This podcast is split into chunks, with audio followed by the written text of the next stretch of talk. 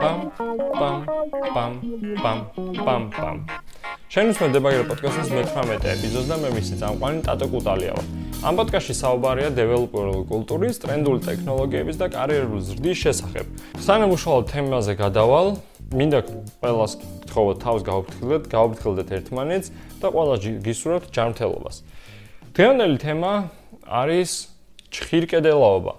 გვერდითი პროექტები და ყველაფერი მის ირგვლივ. რატო დავარქვი ჭხირკედელაობა? ჭხირკედელაობა ძალიან კარგად აღწერს ჩვენი პროფესიას, ძალიან კარგად აღწერს ჩვენს ხასიათს დეველოპერებისას, როგორც კონკრეტულად კვლევარებს გვინდა რაღაცები გამოვიკვლიოთ, სულ გვინდა რაღაცები გავაკეთოთ, ნებისმიერ რაღაცას შეგვიძლია მიუდგეთ რამოდენიმე გზით, ჰაკებით, რაღაცა ოღონდ იმუშაოს იმ მიდგომითაც და ხშირად არ ვიცით ჩვენ დაწყებული საქმე როგორ შეიძლება დასრულდეს განსაკუთრებით როდესაც უცხო რაღაცას ვიკვლევთ ან რაღაცის reverse engineering-ს ვაკეთებთ, მაგრამ თავარი არის რომ ჩვენი გონება მოწყობილი არის რომ მუდმივად რაღაცა ვიკვლიოთ და მუდმივად რაღაცას ვეჭხერკიდელავთ. ამიტომ ამ სიტყვაზე უკეთეს ქართულ შესაბამისობას ზოგადად ამ მოვლენისადმი მე ვერ ვიპოვიდი, სწორედ ამიტომ დავარქვი ამ ეპიზოდს ჭხირკედელაობა. კარგი, რატომ არის ჭხირკედელაობა სასიცოცხლოდ მნიშვნელოვანი? იმიტომ რომ ზოგადად გვერდითი პროექტები, რომელიც იძლევა ამ ჭხირკედელაობის საშუალებას, არის ძალიან მნიშვნელოვანი ჩვენი კარიერისთვის და ჩვენი როგორც პროფესიონალად ჩამოყალიბებაში. ეს ექსტრა აქტივობები, სადაც გავტესტავთ ახალ ტექნოლოგიებს, სადაც წავეთამაშებით build სისტემებს, ან ახალ პლაგინებს, ახალ გამოსულ ID-ებს, უფრო მეტი ვისწავლოთ ამ ტექნოლოგიებზე და უფრო მეტი რამე ავითვისოთ, მეტად დახვეწილები ვიყოთ, როდესაც კონკრეტულ დავალებას შევეჭიდებით, ასე ვთქვათ, ბრძოლის ველზე, როდესაც გავალთ. შეიძლება ბოლომდე ვერ მივიყვანოთ სულაც ეს გვერდითი პროექტები და უბრალოდ პატარა სათამაშო აღმოჩნდეს, მაგრამ ნიშნავენია რომ იყოს და არსებობდეს და ხო, თავარი. გამოყოთ სამსახურიდან. რას გულისხმობ ახლა რომ სამსახურიდან გამიჯნული უნდა იყოს ჩვენი გვერდითი პროექტები. ერთი შეხედვით თავისთავად მოიცავს, აზრს და განმარტება არ სჭირდება, თუმცა მოდი დამატებით ჩავშლი ცოტა დაბლა.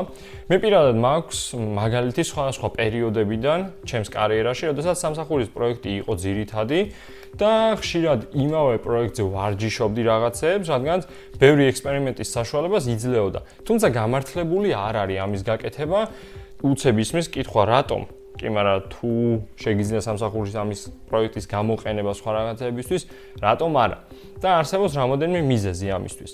პირველი, სამუშაოს კონტექსტი მოცილებული უნდა იყოს და ჩვენს რაღაცა თამაშისას, აქ თამაშზე ბრჭყალებს ვაკეთებ ხელით, ვერ ხედავთ, მაგრამ ვაკეთებ, რომ სამსახურში რაღაცა თამაშისას ავტომატურად სამსახურის პროექტს კონტრიბუციას არ უნდა ვუკეთებდეთ.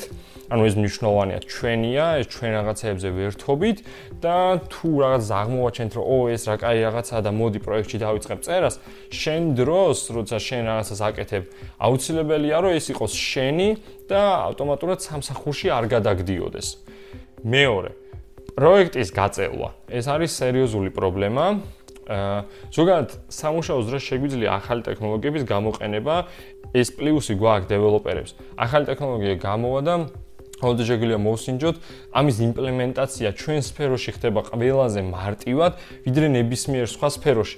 აი მაგალითად ჰუმანიტარულ სფეროებში სანამ რაღაცა არ დაწესდება, ეს არ გაიწესდება ეს სტანდარტები, მე პროტოკოლად არ დაიწერება და არ დაეგზავნება ყოველს რო ეს უნდა გაკეთდეს, იქამდე ახალი ტექნოლოგიები არ გამოიყენება, ახალი მიდგომები არ გამოიყენება და ამას ჭირდება წლები.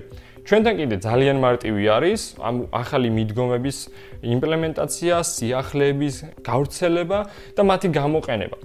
თუმცა ზოგჯერ პროექტს წელავს.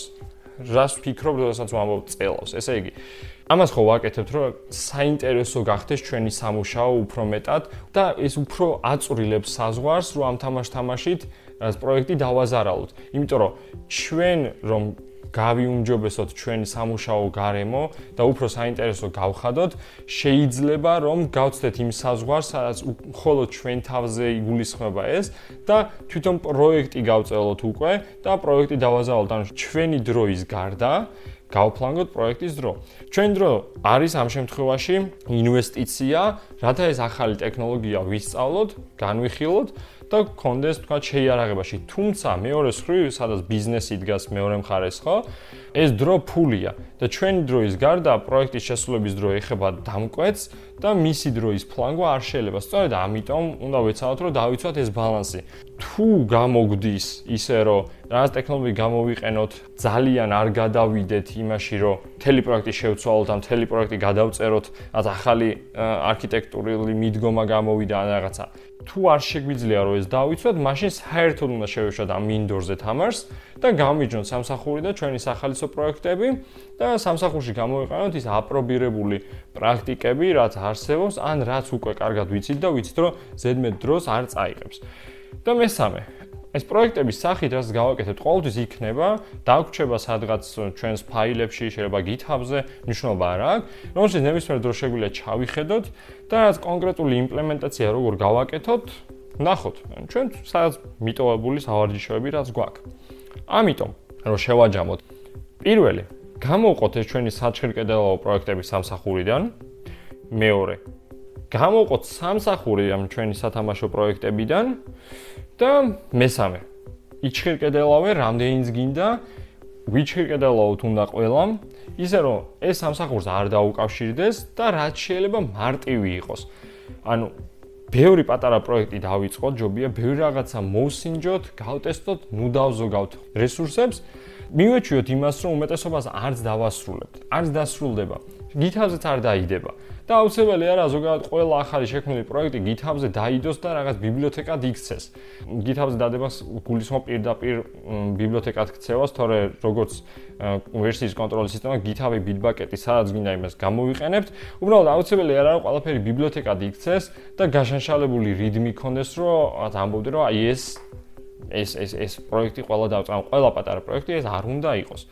უბრალოდ იმ წუთას ითამაშე და მიაგდე. მე ახალი დაიწყე და როცა დაგჭირდება, ჩაიხედავ და ნახავ რა დაწერე რა. მაგალითისთვის ადრე რაღაცა ეგრე წავითამაშე, პროექტის თამაშს გაკეთა მინდოდა Android-ზე და Canvas-ზე ცდილობდი რაღაც ძიმე ოპერაციებს ვასრულებდი. დღე დღე ნახევარი ვაკეთე, მოსინჯე ამ ტექნიკები, მომეწონა, მივანებე.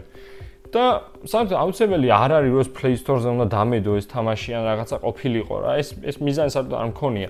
თუ ზოგჯერ კარგი იქნებოდა რომ ასეთი პროექტები ბოლომდე მიგვიყვანა დეველოპერებს მაგრამ ეს დღევანდელი თემა არ არის. ხო და მომავალში Canvas-ზე რომ დამჭირდება რაღაცა ავდგები და ჩავიხედები ამ ძველ პროექტში და ვნახავ რა მქონდა გამოყენებული როგორ ხელახან გამოვიყენებ. აა ზემოთ რო ვახსენე პროექტების მიყვანა ბოლომდე ზოგჯერ კარგია თქო მართლა კარგია თუმცა ამაში ხშირად დეველოპერებს ხელს გვიშლის პროკრასტინაცია და კიდე სხვა გარემო ფაქტორები, ასე რომ პროკრასტინაციაზე დავლინკავ ამავე პოდკასტის სხვა ეპიზოდს, საუბრობდი. შეიძლება დაგეხმაროთ. მოკლედ, სანამ დავასრულებ, საბოლოოდ, ამ სფეროში ვინც ვართ, ალბათ ყველას გვაქვს პროგრამირებისადმი სიყვარული, ჰობად გვაქვს ქცეული და ზოგადად ბევრ რაღაცას ვაკეთებთ სამსახურს გარეთ ისევ ამ სფეროსთვის. ნიშნობა რა აქვს, როგორი გამოხატულება ექნება ამას. ამიტომ ყველა გვერდითი პროექტი მნიშვნელოვანია, მაგრამ აუცილებელი არაა უშუალოდ უკავშირდებოდეს კოდინგს. მაგალითისთვის, ეს პოდკასტი ჩემი გვერდითა პროექტია, ანუ კოდინგს არ მოიცავს მინიმალურად, რა პატარა სკრიპტები მაგ გამზადებული, თუმცა ანუ ვეძებ ვიკვლევ ჩვენი სფეროს გარშემო რაღაცებს და ცდილობ ამ სახით მოგაწოდოთ. რომელიც თანაკვეთაში არ მოდის სამსახურთან და არც გადაიკვეთება. არის ასევე სხვა ვარიანტები, რომ შეიძლება ივარჯიშო ამოცანების ამოხსნაზე, მაგალითად, ჰაკერანგზე, codewars-ზე აკეთო რაღაცები, ძალიან მომწონს ხოლმე ვერთობი ხშირად. ეგეთი ძალიან ბევრი გზა არის სავარჯიშო შემეცნებისთვის, ანუ აუცილებელი მაგალითად არ არის, რომ სო მე დღეს გვერდით პროექტს ვაკეთებ რაღაც side projects და არავინ არ მომეკაროთ, არა შეიძლება უბრალოდ ადგე და ივარჯიშო ჰაკერანგზე თუ ეგ მოგწონს, იმიტომ რომ საბოლოო ჯამში რაღაცეებს იქ ტესტავ, ვარჯიშობ, ისევ შენთვის აკეთებ და ეს კატები იდეაში, ხო? მ საბოლოოდ არის რომ რაც შეიძლება სრულყოფილებას მიაღწიოს ჩვენმა უნარჩვევებმა და მუდმივად ფორმაში ვიყოთ. ხო, კატა ეს სიამის კატა არ არის, რეალურად არის იაპონური სიტყვა. რომელიც პირდაპირ მნიშვნელოვნად ფორმას ნიშნავს და ხშირად გამოიყენება იაპონურ საბრძოლო ხელოვნებაში, როგორც, ანუ პრაქტიკა, როგორც კონკრეტული მოძრაობების დასამახსოვრებლად ოღონდ კუნც კონდეს გამჯდარი ავტომატურად და უკვე ყველა მოძრაობას სრულყოფილად რო ვასრულებდეთ გონებისგან დამოუკიდებლად. სწორედ ამის სავარჯიშოდ არის კატები. ამას ეწოდება კატები. ხო და როცა ამოთ რომ კატები გავაკეთოთ, ვივარჯიშოთ, ეს ჩემი მოგონილი ტერმინი არ არის პროგრამირებაში, ეს არის Uncle Bobby-ს, ძია Bobby-ს, რობერტ C. Martin-ის. რომელიც ამბობს, რომ დეველოპერი სამსახურს გარეთ მუდმივად ფორმაში უნდა იყოს, ისევე როგორც ნებისმიერი სხვა სპორტსმენი. და ძალიან ბევრი ასეთი სავარჯიშოები უნდა აკეთოს, რომ მუდმივად ანუ ეს მონაცემთა სტრუქტურებზე იყოს ნავარჯიშები, კონკრეტულად ალგორითმებზე, ენის საბაზისო ფუნდამენტურ რაღაცები ახსოვდეს, იცოდეს და რაც უფრო მეტად ივარჯიშებთ ამისთვის, უფრო მეტად სრულყოფილი იქნება თქვენი საბაზისო სკილები. ამავდროულად ზედ უკეთესად დააშენებთ ნებისმიერ სხვა ახალ ტექნოლოგიას და ნებისმიერ გვერდითი პროექტი, საბოლოოდ ეს ჩადებული ინვესტიცია იქნება თქვენთვის სასიკეთოდ დახარჯული. დღესთვის სულ ეს იყო. მადლობა ყურადღებისთვის და გთხოვთ რომ iTunes-ზე დამიწეროთ review და დაალაიქოთ Facebook გვერდი. შევხვდებით მომავალ ეპიზოდში. ნახვამდის.